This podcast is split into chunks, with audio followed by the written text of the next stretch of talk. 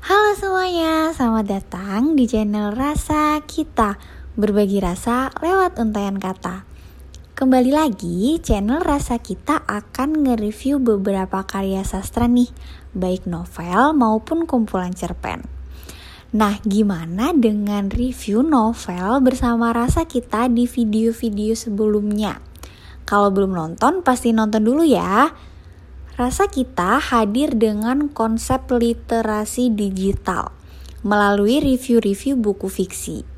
Harapanku dengan adanya rasa kita, minat membaca teman-teman bisa semakin meningkat supaya menjadi generasi milenial yang kaya akan wawasan dan ilmu pengetahuan.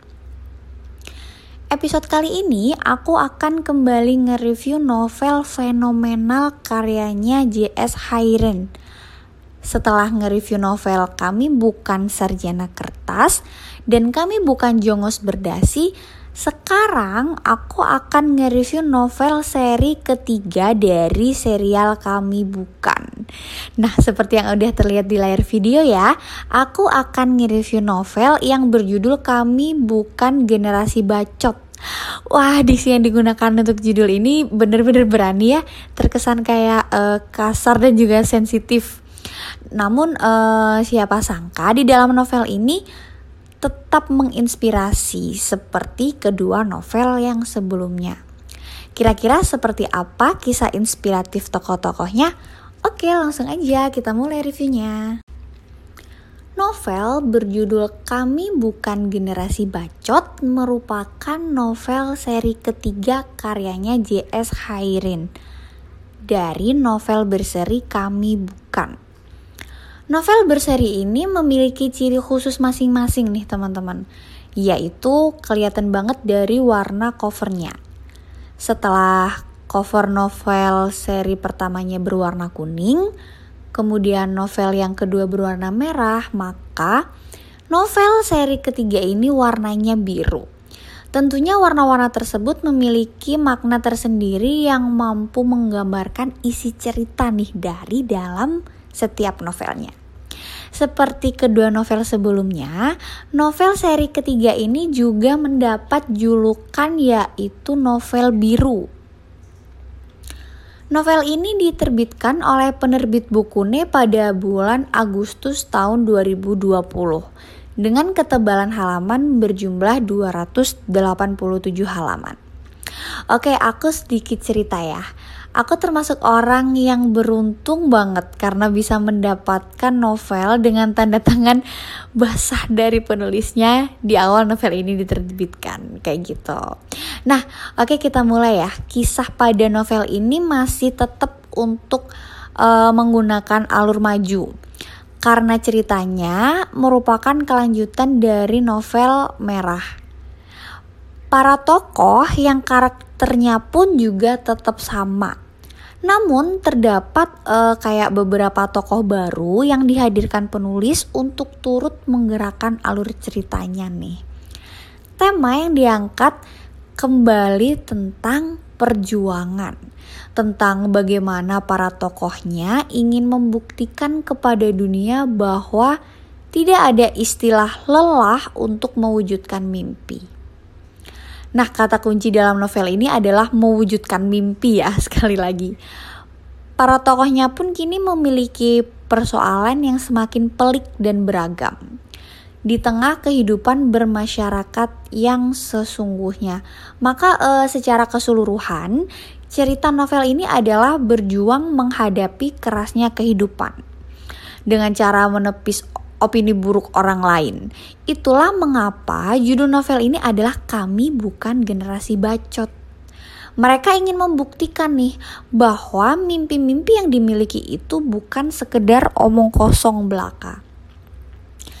Gelar sarjana yang mereka miliki tidak sebatas pada kertas ijazah dan tidak hanya sekedar bisa menjadi karyawan perusahaan aja tapi mereka ingin memiliki sebuah karya, setidaknya kayak uh, satu karya besar yang dapat bermanfaat dalam hidupnya dengan caranya sendiri-sendiri.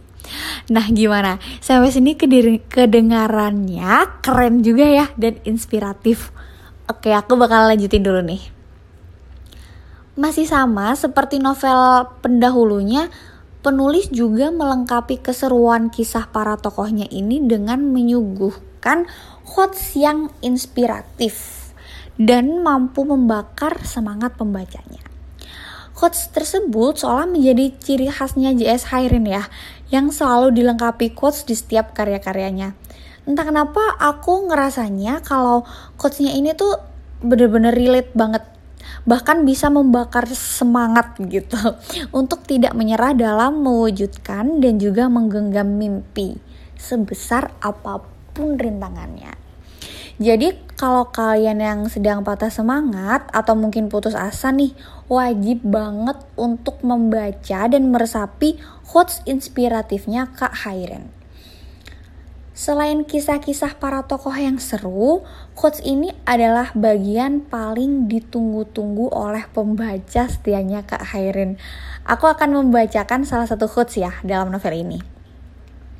Tulislah mimpi-mimpi yang tidak masuk akal sampai kau geleng-geleng kepala. Bahkan sampai semesta berbisik. Kalau mimpi anak ini terwujud, apa yang akan terjadi pada dunia ya? Nah, dari quotes itu kita bisa mendapatkan pesan nih teman-teman. Bahwa jangan takut bermimpi besar. Jangan takut untuk mewujudkan mimpi besar itu. Dan yang paling penting adalah jangan hiraukan omongan orang lain ketika kita hendak mewujudkannya. Tetap fokus dengan apa yang dihadapi, itulah menjadi kunci keberhasilan kita dalam mewujudkan mimpi. Kayak gitu. Aku akan spoiler dikit aja ya. Gimana sih para tokoh dalam novel ini berusaha mewujudkan mimpi besarnya dengan lika-liku yang ditemuinya. Lagi-lagi tokoh Ogi yang berhasil menarik perhatiannya aku ya. Bahkan tetap menjadi tokoh favoritku nih di sini. Masih inget kan cerita kisahnya Ogi? Nah, di novel ini Ogi diceritakan bahwa tekadnya semakin kuat nih untuk mewujudkan mimpi besarnya. Setelah bertahun-tahun bekerja di Amerika, Ogi memutuskan untuk kembali ke tanah air. Coba bayangkan, Ogi yang dulu mahasiswa rendahan, selalu diremehkan, nyatanya sekarang dia mampu bekerja di Amerika. Ogi bahkan telah berlari lebih jauh banget dibandingkan mereka-mereka yang sudah meremehkan Ogi ini, toko Ogi. Sesampainya di Indonesia, dia bekerja sama dengan temannya waktu kuliah yang bernama Gala. Keduanya ingin membuat kayak uh, sebuah masterpiece berupa platform digital atau uh, mereka ingin membuat sebuah perusahaan startup gitu.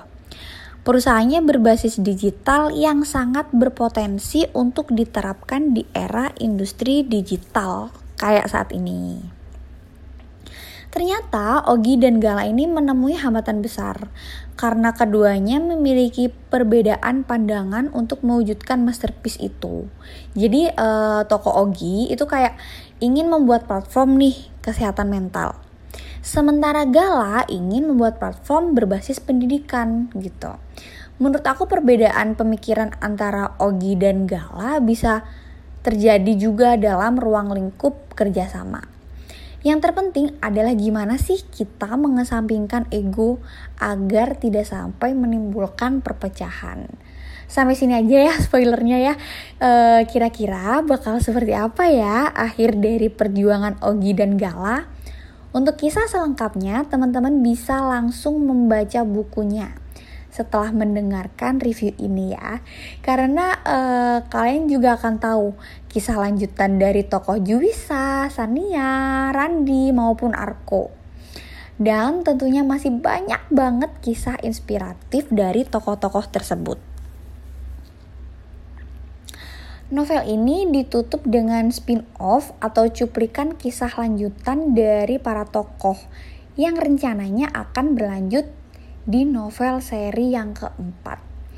Karena itu, ending novel ini terkesan kayak buru-buru ditutup gitu. Sebelum sampai di bab terakhir, ceritanya itu padahal masih seru menurut aku ya. Sebagai pembaca, aku masih menikmati banget rangkaian konflik yang dihadapi tokoh-tokohnya. Nah, tiba-tiba cerita itu ditutup gitu. Sekalipun akan berlanjut di novel keempat, menurut aku endingnya terlalu terburu-buru. Uh, jadi kayak secara nggak langsung ending ceritanya adalah ending yang terbuka di mana pembaca dibiarkan menerka dan menafsirkan sendiri gimana sih ending cerita para tokohnya. Nah, dari kisah-kisah pantang menyerah melalui tokoh Ogi, Gala, Randi, maupun Arko, pesan moral yang dipetik menurut aku eh, jangan meremehkan perempuan dan juga eh, kemampuan orang lain. Setiap orang tentunya memiliki kemampuan yang berbeda-beda.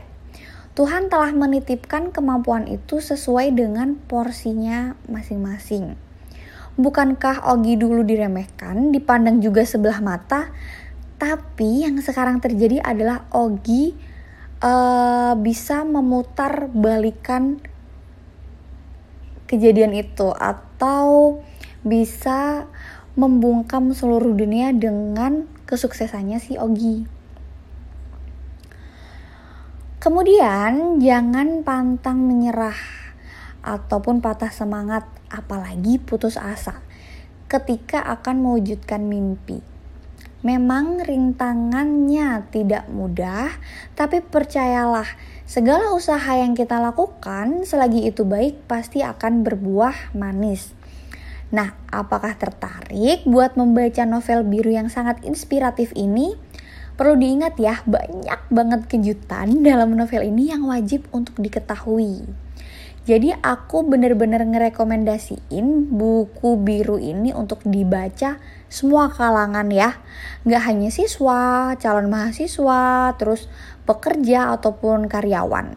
Karena kisahnya yang begitu menginspirasi. Novel ini bisa didapatkan dengan kisaran harga 88.000 di toko-toko buku terdekat atau kalau ingin memperoleh tanda tangan basah dari penulisnya, bisa pesan langsung melalui media sosialnya JS Hairen. Buku biru ini belum tersedia dalam bentuk digital ya. Jadi kalau penasaran ingin membaca, langsung aja beli buku fisiknya. Oke, selamat membaca semuanya. Mari kita tingkatkan minat membaca supaya menjadi generasi Indonesia yang gemar membaca. Terima kasih sudah mendengarkan review kali ini. Jangan lupa like, komen, dan subscribe. Tombol loncengnya juga jangan lupa dinyalain ya. Sampai jumpa di review-review sastra selanjutnya. Selamat beraktivitas.